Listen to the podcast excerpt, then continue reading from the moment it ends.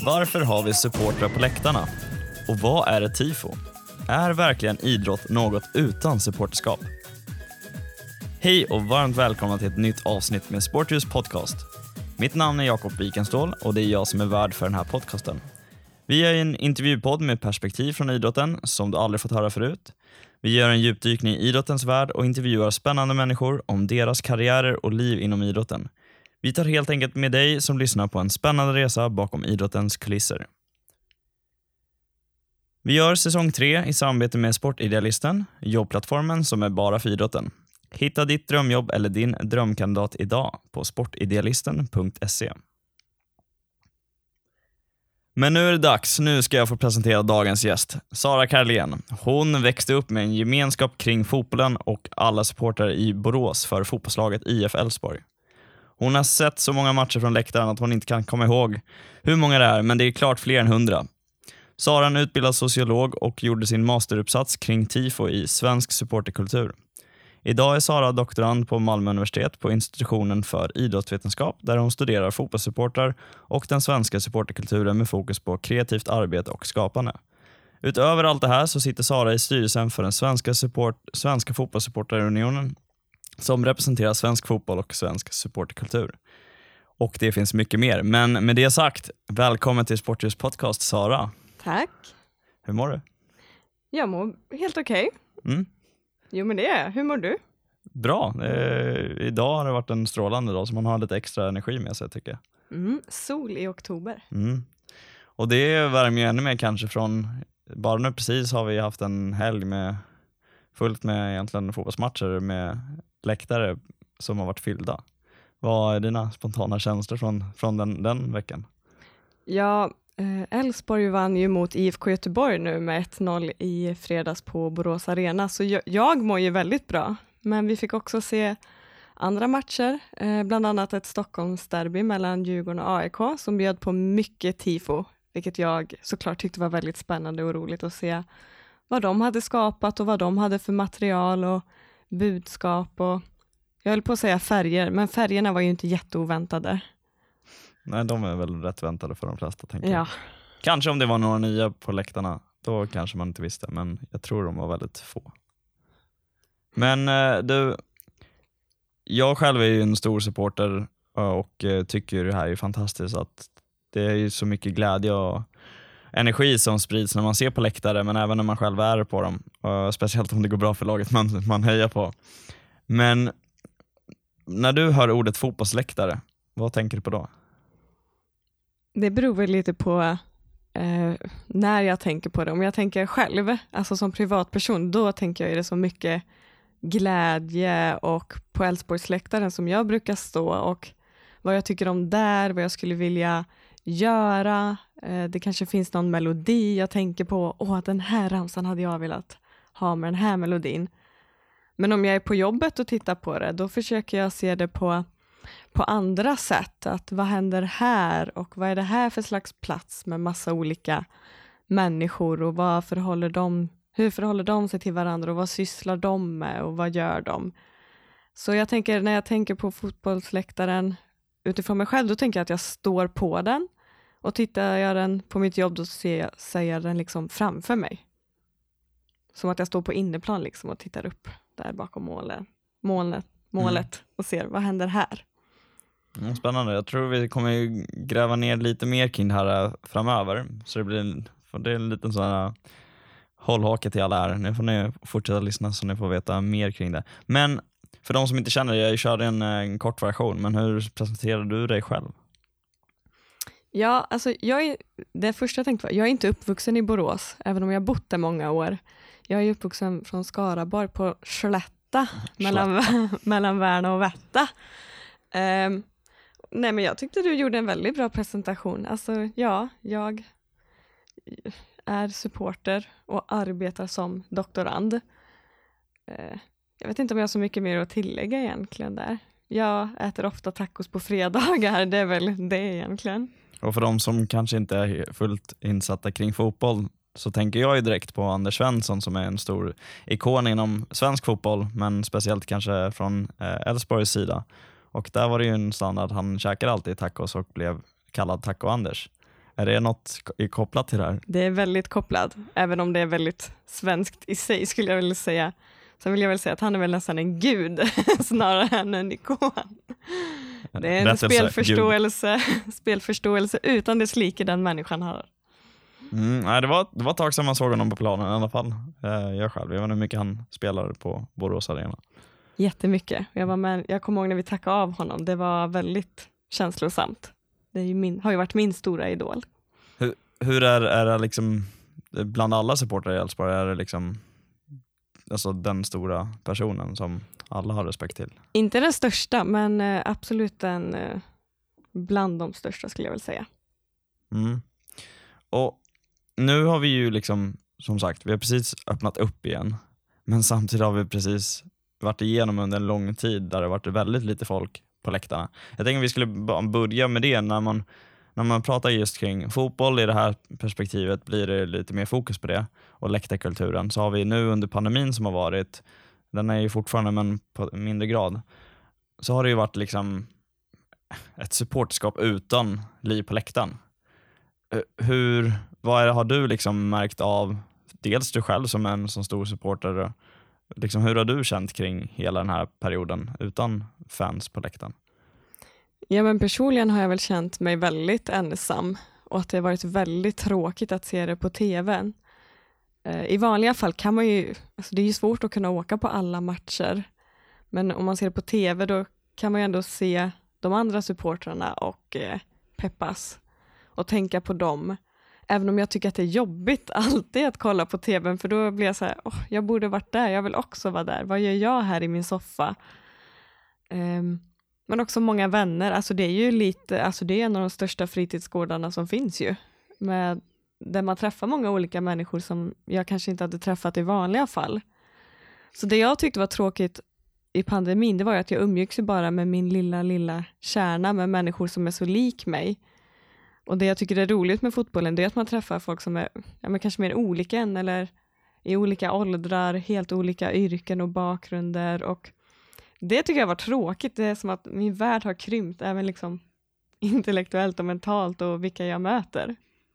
Ja, för det är spännande. Dels när du nämner fritidsgårdar, det har jag nog faktiskt aldrig hört någon benämna det som en fritidsgård. Men samtidigt så är det ju många som kommer dit för det sociala, och också när du nu säger att du kanske inte träffar lika stor målgrupp av olika människor när du har suttit i soffan hemma. Men när man tänker efter och ser på läktarna så finns det från den lilla till den, till den äldre och allt däremellan. Så det måste vara en, hel, alltså, en mångfald på ett helt annat sätt. Ja, och sen kan man ju diskutera, det är klart, det är ju fortfarande mer män än kvinnor, men det är ju ändå väldigt mycket kvinnor. Men jag har liksom ingen annan plats i mitt liv i alla fall, där jag träffar ja men jag tjötar, tjötar lite med de som är, ja men allt från mina kompisars barn som är tre år eller vi hörde unga Älvsborgare som är kanske elva. Vi har de gamla som har varit med som är 50-60. Och ja, men jag har i alla fall ingen annan plats i mitt liv där jag träffar så många olika människor och det har ju oftast varit för mig inom idrotten. Och hur börjar allting egentligen? Alltså hur, eh, i ditt fall, hur började den stora kärleken för det här supporterskapet och fotbollen? Ja, alltså den är ju både sund och osund vill jag kommentera.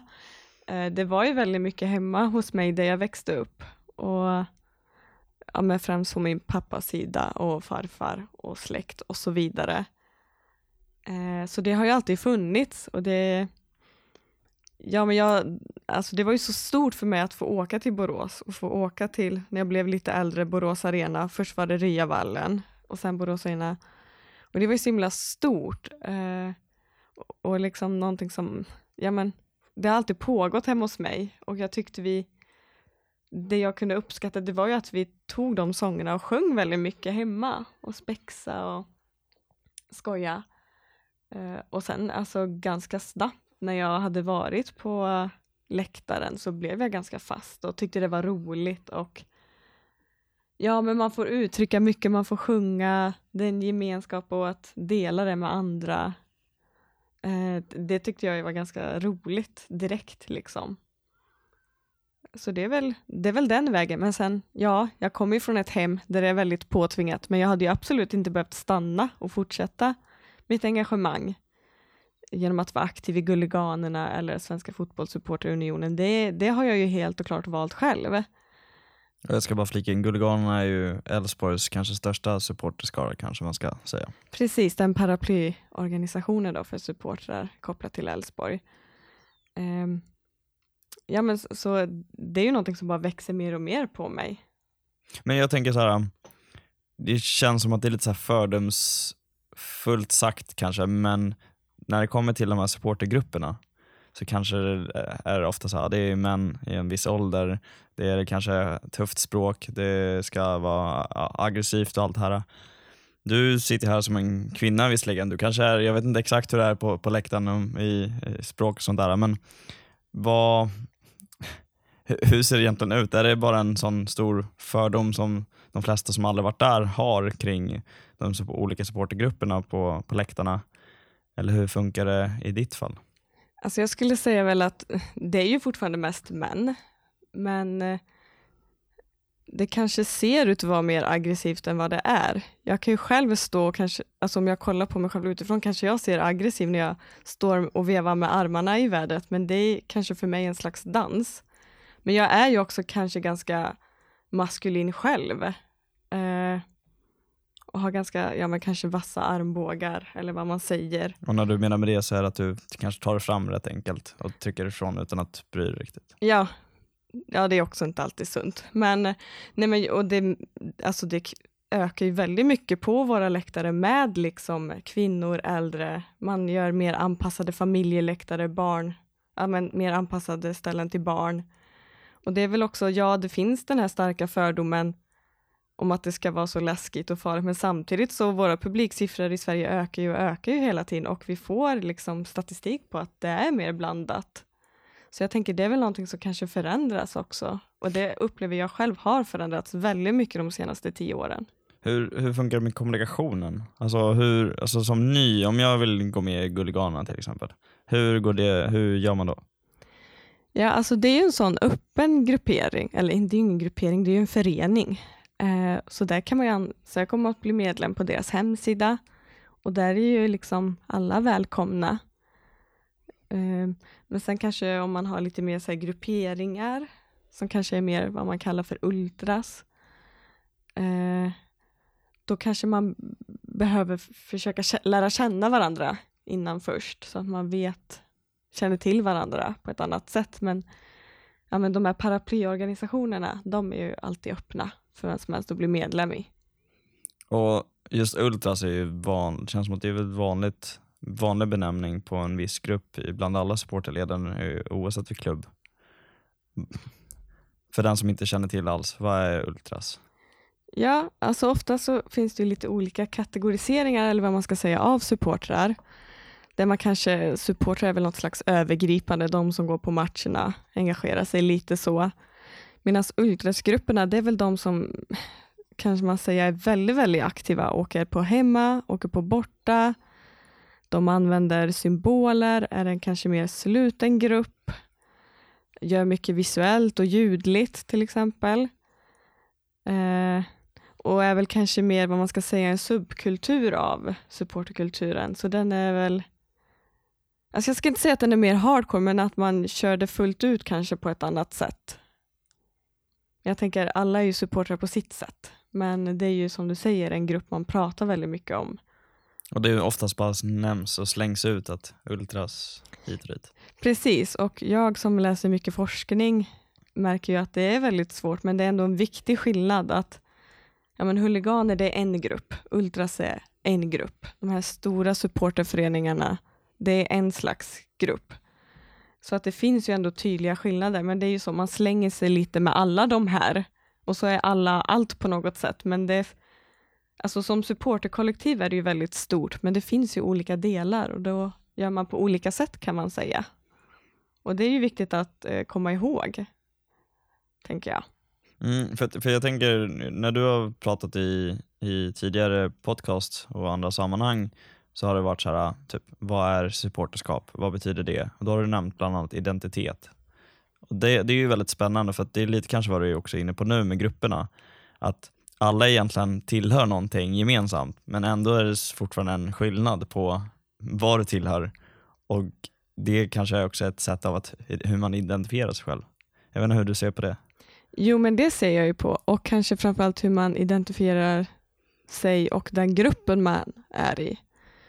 Och det är ju ganska tydligt att grupptillhörigheten och vad gruppen betyder är väldigt viktigt för deras identitet och det förstärker varandra.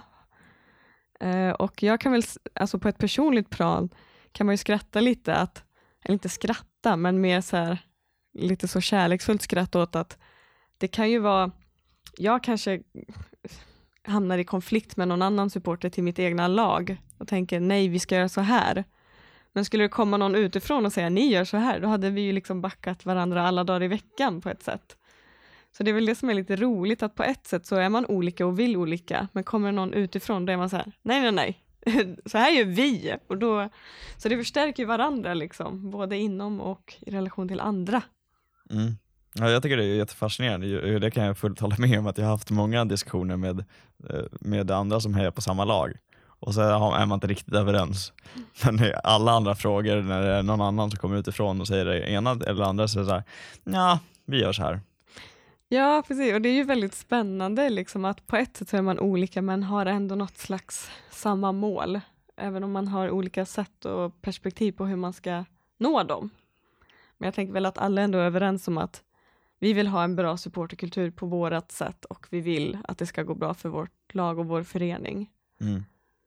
Um, ja. Men jag tänker så här, nu när då vi har haft fulla läktare, vi hade ett Stockholmsderby precis, eh, det var rätt mycket folk. Eh, jag tyckte det var häftigt att se tifona som var. Vi kommer prata lite mer om tifo alldeles strax, men bara så här, vad, hur ser man på läktarkultur i Sverige kontra andra länder? Har du någon insikt kring, kring vad som sägs eller hur, finns det något kring forskning av det eller hur det ser ut? Mm. Ja, alltså relativt lite forskning om Sverige än så länge. Eller inte lite, men kanske inte tillräckligt enligt mig. Eh, men Sveriges läktare är ju till viss del inte lika politiska som det är i andra länder i Europa. Till exempel om man kollar på ja, Polen, Italien etc. Eh, vi i Sverige har ju ganska mycket tifo och det är ju vissa internationellt som menar att vi har en ganska hög ja, men hög standard på vår tifokultur. Och att vi är väldigt, alltså den är ju, supporterkulturen i Sverige är ju väldigt organiserad om man jämför med andra länder. Det är mycket kring den här svenska föreningen, du har årsmöte, du är medlem. Um, och liksom, ja, är engagerad på det sättet som många föreningar i svensk idrott är, är ju även supporterföreningar till stor del. Så det är liksom i det kanske någon slags demokratisk fostran också. Och när du då menar på att andra länder kanske inte är lika grupperade på det sättet, eller att man använder, man använder kanske den här föreningsmodellen på samma sätt. Alltså är det då en, är man, kommer man bara till läktaren och sjunger hej vilt liksom? Alltså, du menar att det inte finns liksom grupper på samma sätt? Eh, jo det gör jag, det finns grupper på olika sätt, men om man tänker, om man tar kanske i Argentina, det kanske det är mer eh, kriminella gäng som har eh, större inflytande på läktaren till exempel, än vad, än, som absolut inte finns i Sverige på det sättet. Liksom. Eh, så jag tänker det finns ju grupperingar, men, ja, men olika kanske hierarkier på ett annat sätt. Och ja, kanske inte lika många demokratiska processer. Sen tänker jag också att det kanske är lite svårt i vissa länder som har så extremt många tusen på sina läktare jag tänker, ja, det här Stockholmsderbyt derbyt vi nämnde nyss, men 40-50 000, det är ju liksom mer än en normalstor kommun i Sverige. Det är väldigt mycket folk på en arena liksom. Mm, så jämför man med typ Argentina som du sa, ja. så finns, här finns det någon, några arenor som tar upp mot eh, ja, 70-100 000. Eller ute i Europa för den delen. Det är, ja, det är sant, det är, vi är inte kanske vana vid det på så sätt i Sverige med det antalet. Nej, men kanske procentuellt utefter hur många som bor i Sverige så har vi ju väldigt höga publiksiffror skulle jag säga ändå. Även om jag personligen önskar att de var högre såklart. Absolut. Men om man tittar lite på den här supporterrollen. Jag hade skrivit en sån här käckt fråga. Hur ser livet ut som en supporter? Går det ens att svara på det? Om jag försöker då är det väl att mycket kring mitt liv kretsar kring Elfsborg. Vad händer i föreningen? Hur går det för laget? Ska vi värva någon? Eh, sitta med almanackan, när är det match? Kan jag ta ledigt då? Kan jag åka då? Eh, ja, nu är det snart årsmöte. Ska jag skriva någon motion? Vad, vad, hur tycker jag min förening ska utvecklas? Men sen också tycker jag att det går lite i olika årstider. Att eh, ja, men på våren då börjar säsongen. Då är man väldigt taggad. Sen är det lite skönt med uppehåll på sommaren. Och sen eh, köttar jag oftast på väldigt mycket på vintern. Och sen tänker jag, åh vad skönt, nu är allsvenskan slut, gud vad gött med uppehåll. Sen går det två veckor och jag tänker, ah, kan du börja nu igen? Så det är liksom, eh, ja men jag var ju med och forskade om eh, idrotten under pandemin där vi intervjuade en hel del eh, publik, bland annat fotbollssupportrar. De sa att det är liksom the circle of life har liksom försvunnit nu och jag tycker verkligen att the circle of life är en bra förklaring på vad det är. Mm. Men det är också lite skönt att om det går dåligt något år så är det så här, ja men det kommer ju ett nytt år. Det är ju lätt för mig att säga nu som har varit med ett tag, i början var det som att varje match var liksom nej, det kommer aldrig bli bra igen. Och nu är man lite så här, ja, det är ju en ny match nästa vecka, eller ja, ja, jag har ju hållit, ja, det kommer ju ett nytt år med. Mm. Jag tänker ju det här med matchprogrammet eller så, spelschemat när det släpps. Sitter man då liksom direkt bara kollar exakt vilka dagar är det i kalendern? Har du redan något uppbokat? Eller bokar man in alla dem så att man något ska vara tillgängligt, eller hur funkar det? Ja, alltså det beror väl på kanske lite hur livet ser ut för en. Eh, jag som har varit student i många år har ju kunnat göra så och inte ha liksom barn eller så att ta hänsyn till. Men jag upplever ju väldigt snabbt efter spelschemat kommer ut att kanske att det är så här, oh vi fick Varberg borta nu i sommar, nice till exempel, eller att ja men den här är en härlig match, då kommer vi kunna satsa på det här, vi kanske kan ha en övernattningsresa då. Så att ja, direkt när det släpps så börjar man ju ändå planera inför året och jag försöker lägga någon slags plan. Liksom. Vad kan jag åka på? Kan vi göra någon speciell satsning någon viss match? Övernattningsresa är ju väldigt trevligt tycker jag. Och det behövs ju när, i och med att Sverige är så stort land, och om man ska till Sundsvall och Östersund så behövs ju det. Och de matcherna vill jag ju gärna att man lägger på helgen. Jag vet när jag var student någon gång och jag var så taggad på säsong och så fick vi så här, ja men tidigt fick vi väl typ Sundsvall borta en onsdag innan löning och jag var så arg. Sånt spelschema gillar jag inte. Kanske något att skicka vidare till släpp, släpp efter, efter löning. Precis. Men, men du, eh, du har ju också startat upp en egen, eh, en egen eh, gruppering kan man säga inom supportskap med gulsvarta systrar. Finns den kvar eller hur ser det ut? För det var väl någonting som drogs igång 2013? Ja, då var vi ett gäng tjejer. Jag var inte liksom huvudinitiativtagare men jag var ju med direkt och så när vi startade upp det och ja, det är 2013. Då var vi några tjejer som ville väl göra vår grej helt enkelt. Och då var det ju, det märks ju sedan dess att det har blivit fler tjejer. Det fanns tjejer innan men mer och mer. Var det här liksom ett sätt att säga, okay, men hur främjar vi att det fler tjejer kan vara med också och ha sin gruppering? Alltså det var väl både och. För på ett sätt var vi väl typ att vi vill också göra vår grej. Och tycker väl kanske att ibland, eller det är ju alltid svårt om man vill normalisera tjej på fotboll, då kanske man ska vara aktiv där det redan finns, eller finns grupperingar. Men man kanske, då kanske man inte får lika mycket plats. Och vi var nog ganska sugna på att nej men vi vill göra vår grej. Och eh, var väl lite kluvna till att ah, ska vi öppna upp för alla eller ska vi vara en mer stängd grupp? Och landade väl ganska snabbt i någon slags halvöppen stängd grupp för att det har ändå varit noga för oss att det här är en grupp som man har roligt med. Eh, men vi kan också finnas till som stöd. Om någon vill gå kan man höra av sig till oss till exempel. Så ja, finns, krav, finns kvar och är högst aktuell. Mm, ja, men kul ändå att det kanske finns mer, liksom, just som du själv nämnde, kanske fler män på läktaren. Det här kanske är ett sätt att se till att fler känner sig välkomna och inkluderade. Kanske jag vet inte, vilka olika andra sätt kan man se till att man får dit en mångfald bland supportrarna? Ja, men jag tänker väl att dels så inom Gulganerna, den här paraplyorganisationen då, främst till eh, Elfsborg, har alltid varit väldigt bra på det och inbjudande. Säga hej till någon ny eller så. Jag tänker det är ju en grundförutsättning. Men också att man ser att jo, men det finns liksom olika människor här. Jag vet, vi från Gulligana har jobbat mycket med Elfsborg till att liksom visa liksom även i vår kommunikation, men här finns mycket olika människor. Eh, men också kanske man tar lite tid och bemöter de fördomar som ändå finns.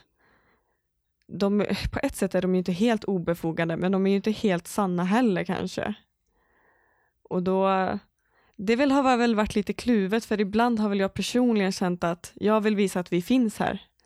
Men jag orkar inte bli någon slags då att Ja men att det blir som att man får dra något stort lass. Att så här, det är mitt ansvar att det här funkar på något sätt. När man jag själv kanske bara vill gå på fotboll och köra min grej. Samtidigt som det har ju varit viktigt för att visa att vi finns. Att tjejer finns.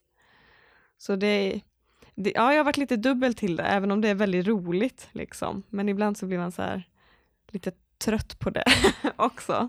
Men finns det, liksom ett, finns det något så tips till de som lyssnar och kanske känner att dels om man är kvinna och vill ändå vara en del av supporterskap, hur ska man göra slash de som redan är på läktaren och är främst män, hur kan de visa att alla borde såklart hänga med? Och ska man då starta upp en egen supportergrupp kanske? Ja, jag tänker att det finns olika sätt och på olika nivåer. Kanske att de är officiella eller övergripande supporter organisationerna eh, försöker bjuda in och skapa den platsen. Också att klubben visar i sin kommunikation att men här finns det olika människor. Men också, alltså jag tycker det bästa sättet om man vill eh, bli mer aktiv i supporterorganisationer, det är ju att åka på bortaresor. För ofta så kommer man kanske till arenan, säger hej lite, det är match, man går hem. Men om man åker någonstans då hinner man liksom träffa folk och prata med varandra lite mer och men jag vet i vår buss, vi har ju typ så spelat Uno ibland. Alltså någon bara säger, hej ska du vara med, här har du sju kort, typ nu kör vi. Att det behöver ju oftast inte vara så krångligt. Uh, och det är, väl, det är väl egentligen mitt enda tips, det behöver inte vara så krångligt, utan säg hej, köta lite. Och det som är så bra med fotboll, det är att det finns ju alltid någonting att prata om. Det, hur tror du det går i matchen? Ja, synd att vi släppte in det, eller vad höll den på med egentligen? Alltså det finns ju ändå ett givet samtalsämne som jag tänker man kan börja med. Vad är det svar? Jag tycker ändå att det håller, håller rätt simpelt och säg hej tror jag är en väldigt bra början. Ja, jag tänker också det, för då blir man ju ändå sedd ganska snabbt. Exakt. Men du, eh, SFSU, Svenska Fotbollssupporterunionen, mm. du sitter med i styrelsen där. Yes, jag är medlemsansvarig gör sådana här sexiga uppgifter som att eh, kolla att man har betalt medlemsavgiften och att vi har rätt kontaktuppgifter till rätt personer. Sånt, sånt som liksom alla föreningar måste göra. Men om vi bara börjar, hur kom du ens med i den? Ja, alltså jag har ju arbetat i olika arbetsgrupper som har funnits sedan innan. Till exempel, vi hade en arbetsgrupp som jobbar med hur kan vi förbättra borta sektionerna för gästande supportrar.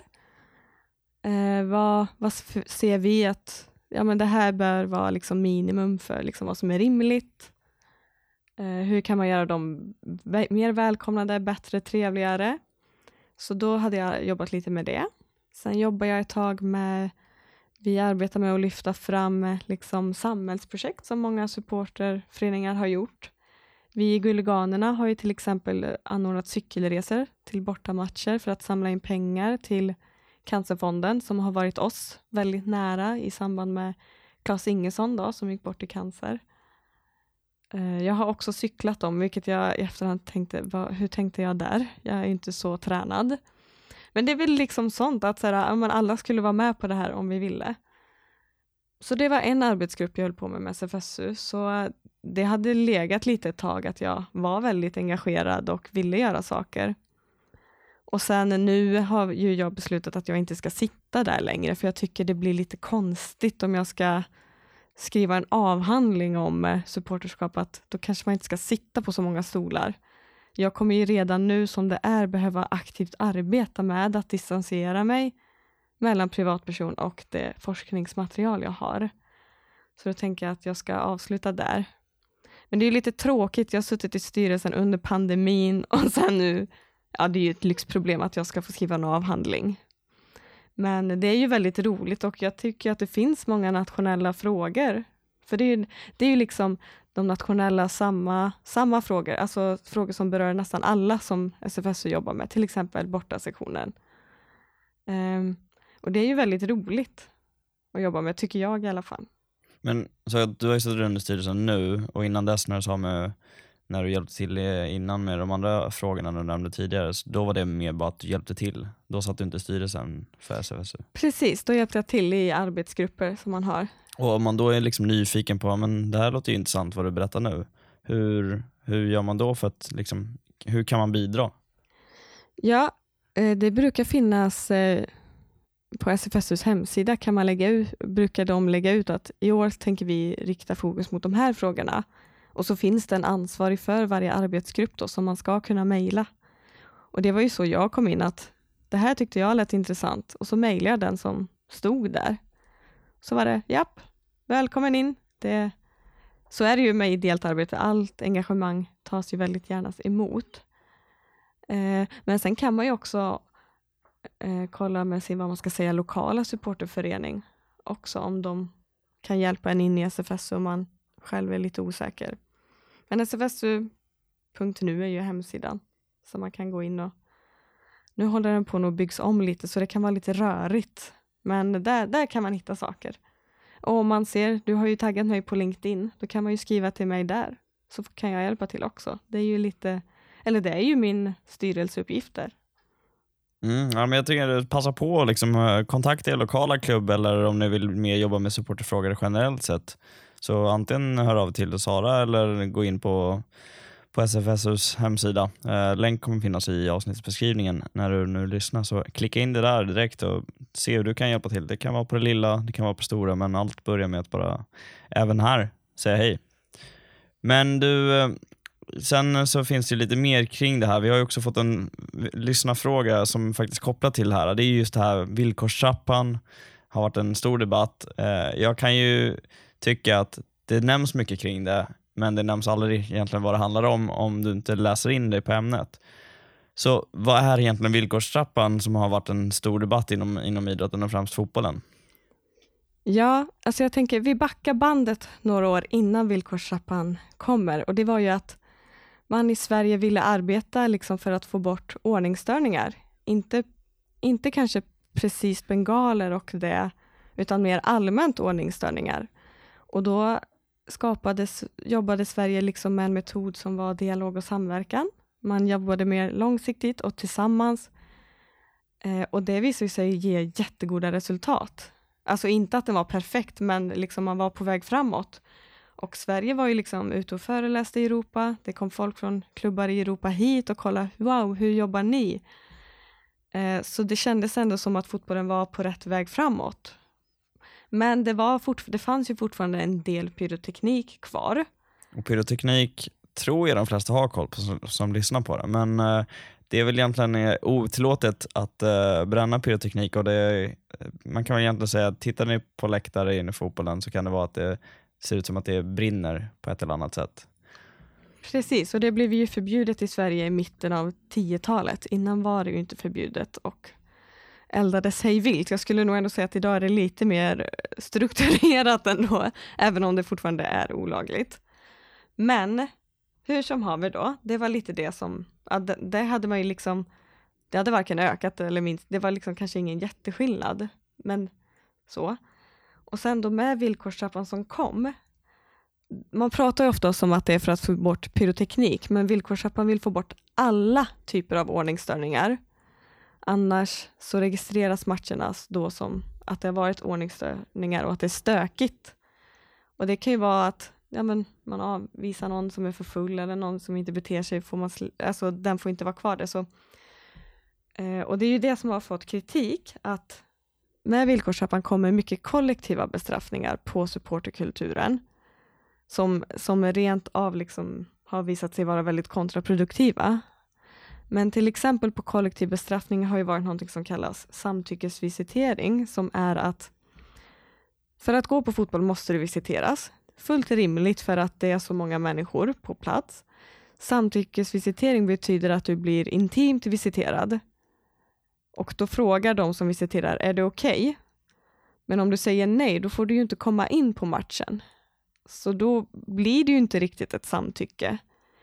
Och jag högst personligen kan ju känna att alltså, låt de här som eldar bengaler bränna ner alla arenor. Man har inte rätt för det att liksom kränk, alltså ha sån intim visitering. Det tycker jag är en extremt kollektiv bestraffning. Eh, I relation till liksom, liksom pyrotekniken tycker jag att det är lite väl kollektivt.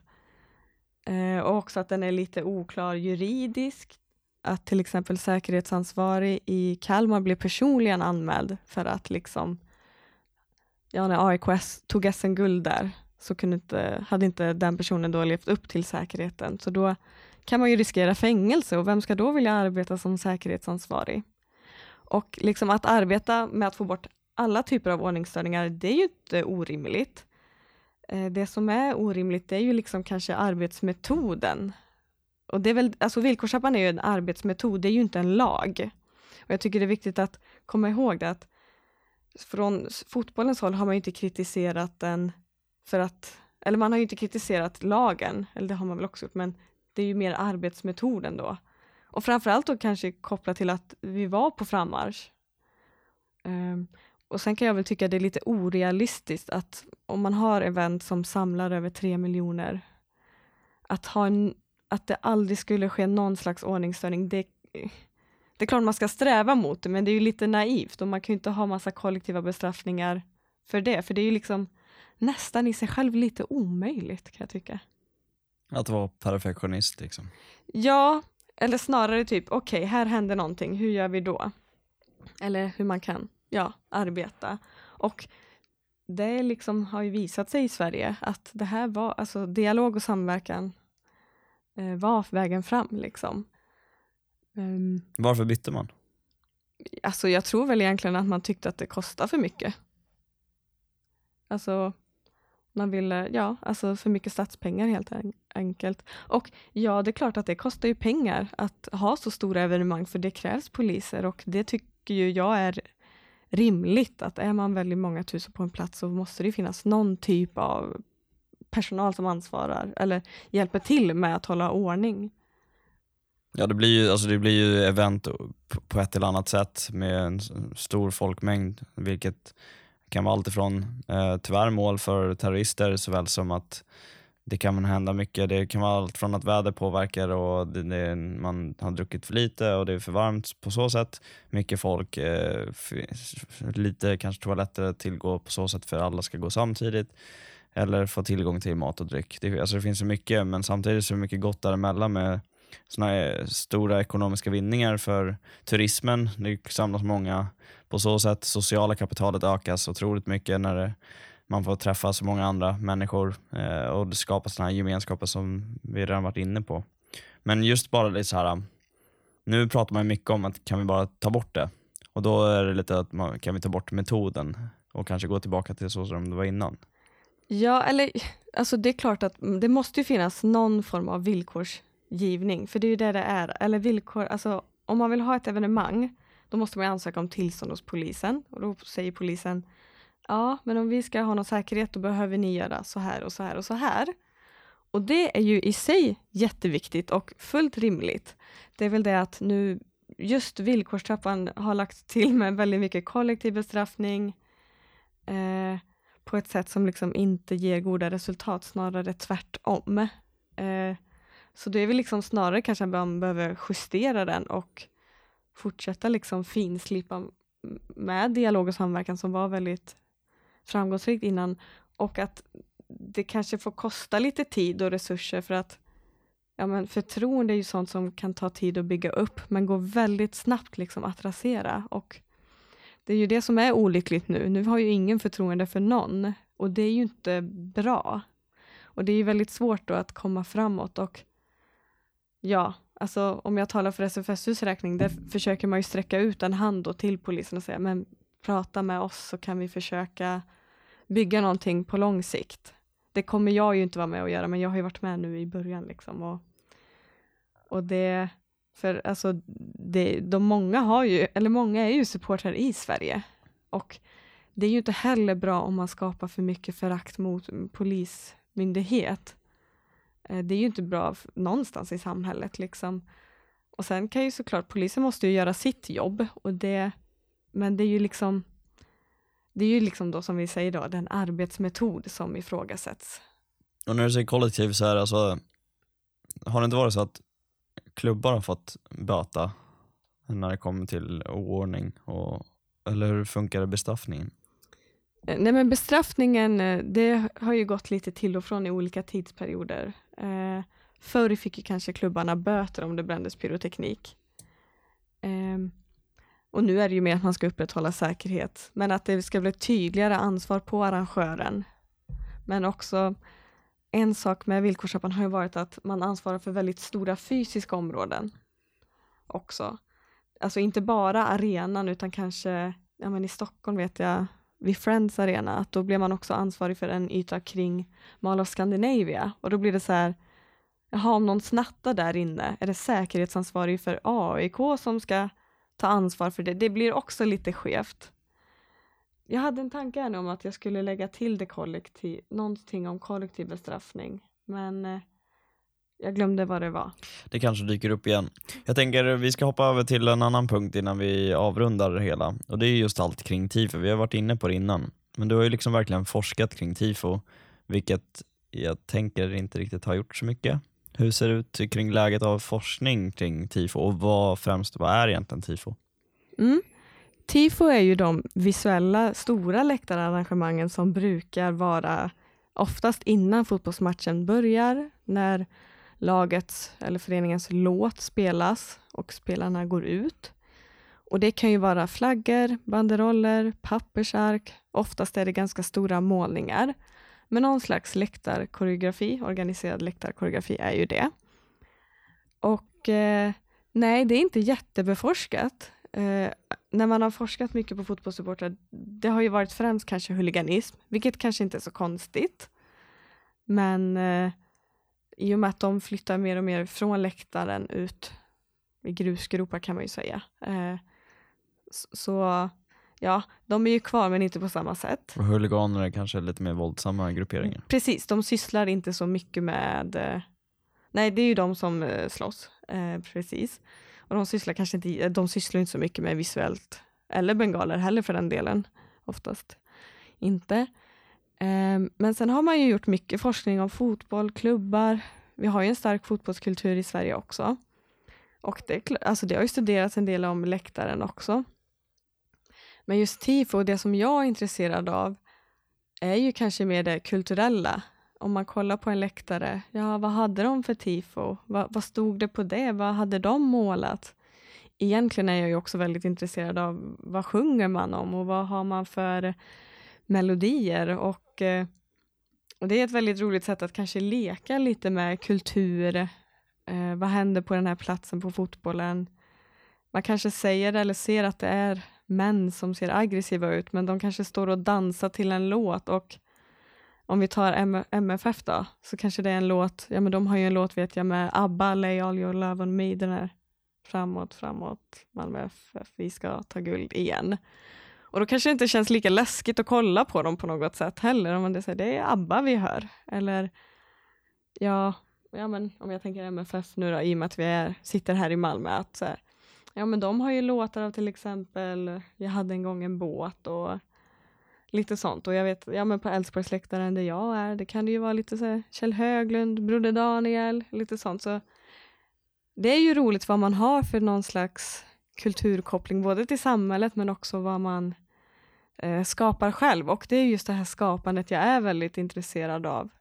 Att liksom, ja de här, de sitter också och syr och målar och har sig som jag och att man lägger så mycket tid på det tycker jag ju är så spännande.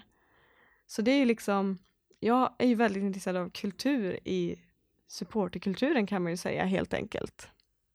Och det, är, för det roliga är det här med de visuella, eh, ja, man kan väl säga, det är oftast kanske stora tyg, tygstycken som, eh, som är, symboliserar någonting.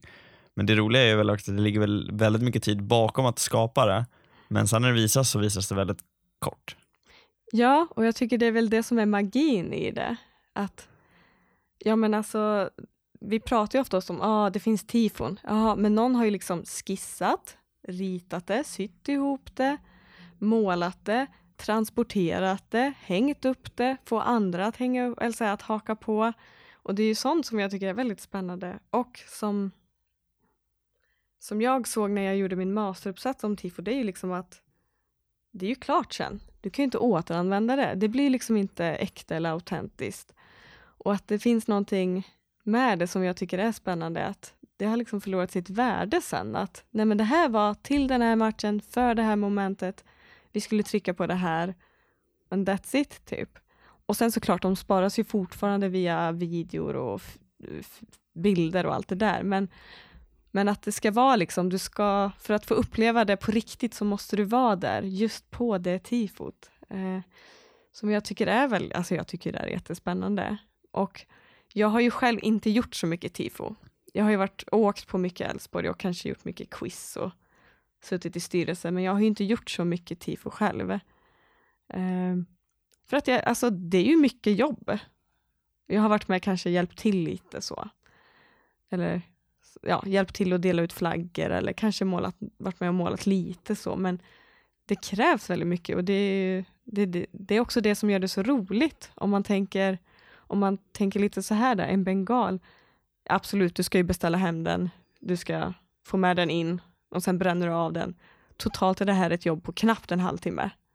Så det är ju inte, alltså jag, jag personligen tycker ju att det är fint och stämningsfullt, men, men det är inget som forskningsmässigt intresserar mig för att om man jämför med tifo då, som är så, en helt annan process. Liksom. men det känns som att du måste tänka så mycket mer, det ska vara något visst perspektiv med det det är något syfte med vad som nu ska visas upp.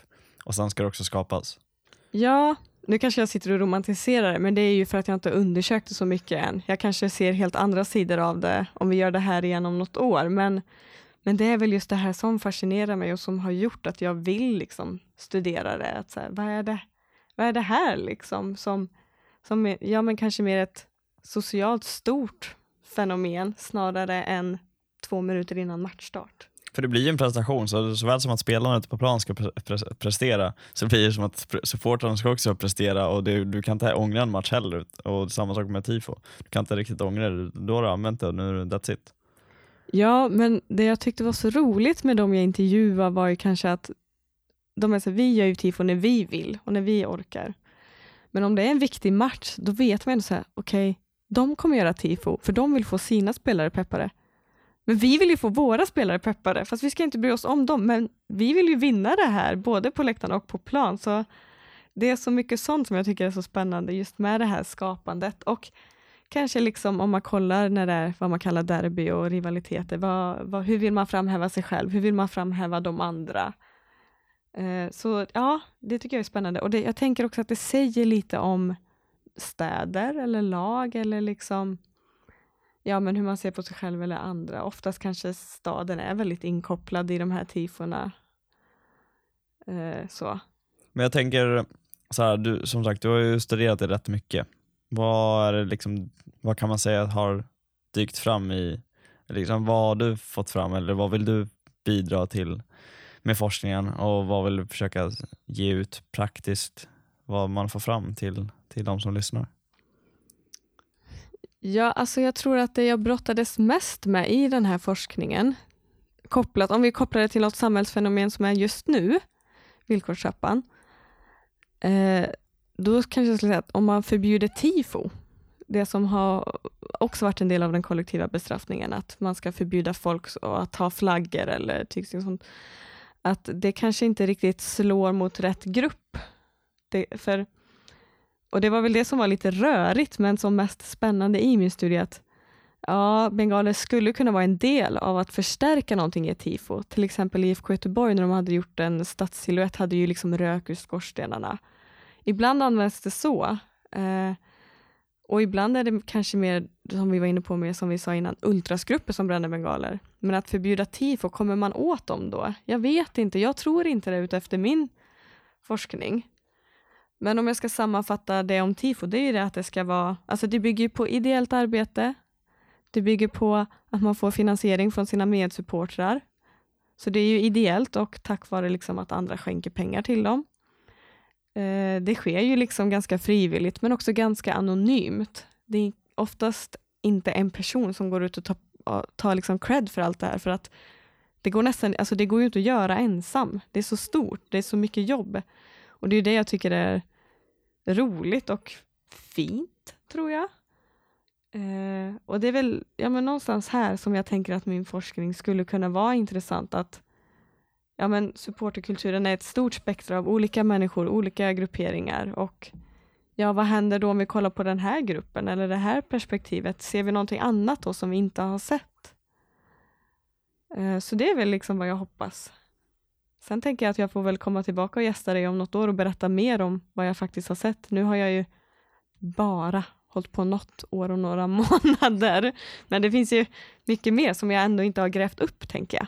Ja men det ser jag verkligen fram emot. Det får vi absolut se till. Det känns som att det är lätt för oss eh, som tittar på liksom, och ser att ja, det är fint och vackert. Liksom. Men just var egentligen, hur ser det ut, det kanske jämförs med andra länder, det kanske finns mer symboler och historia bakom eh, allt som har med tifo att göra, vilket jag verkligen tror. Och Det är berättelser ofta sånt som vi kommer ihåg. Så det är ja, sjukt är spännande och det känns som att vi kan säkert prata jättemycket mer om det här. Men jag tänker att vi ska försöka runda av. Eh, jag ska också tacka Niklas Wennerlund som skickar in fråga kring villkorstrappan. Det är ju ja, ett aktuellt ämne, men eh, ja, spännande och tack Niklas också att du skickar in. Hur kan man komma i kontakt med dig då Sara? Om det går? Eller kan man följa dig? Hur, vad, hur ser det ut? Det är väl främst via LinkedIn kopplat till mitt arbete egentligen, eh, som jag gör där. Så jag antar att du får väl tagga in mig här. Det löser vi. Det löser vi. Ni hittar Saras eh, LinkedIn eh, på avsnittsbeskrivningen så att eh, oavsett podcastplattform du lyssnar på så är det bara att klicka upp informationen kring avsnittet så finns det en länk att klicka vidare på. Annars hör av dig till oss på Sportljus podcast på Instagram. Men du, Sara, nu har vi nått slutet. Eh, som sagt, finns mycket mer att prata om, men verkligen stort tack för att du tar dig tid när du kommer förbi. Det har varit sjukt intressant att höra din berättelse och dina tankar kring eh, supporterskap och tifo. Ja, tack själv och tack för att jag fick vara med. Ja, men det är äran på vår sida. Men eh, jag vill också tacka dig som lyssnar. Det har varit eh, ett härligt nytt avsnitt och hoppas på att du känner likadant. Det finns mycket att ta med sig från Sara idag och eh, jag tror summarum är egentligen visa bekräftelse och uppmärksamhet. Säg hej, nå ut till fansen, visa att alla är välkomna. Det känns som en bra punkt. Och hej Elfsborg. Och hej Elfsborg, absolut. Men eh, innan vi avslutar helt och hållet, fortsätt eh, att eh, peppa, skicka in frågor, eh, tipsa oss om gäster. Prenumerera på podden om du, om du, inte redan gör det. Men vi finns främst på Instagram, Sportljus podcast, så hittar du oss där. Och eh, med det sagt så um, säger vi så och eh, vi hörs i nästa avsnitt. Ha det bra. Ciao!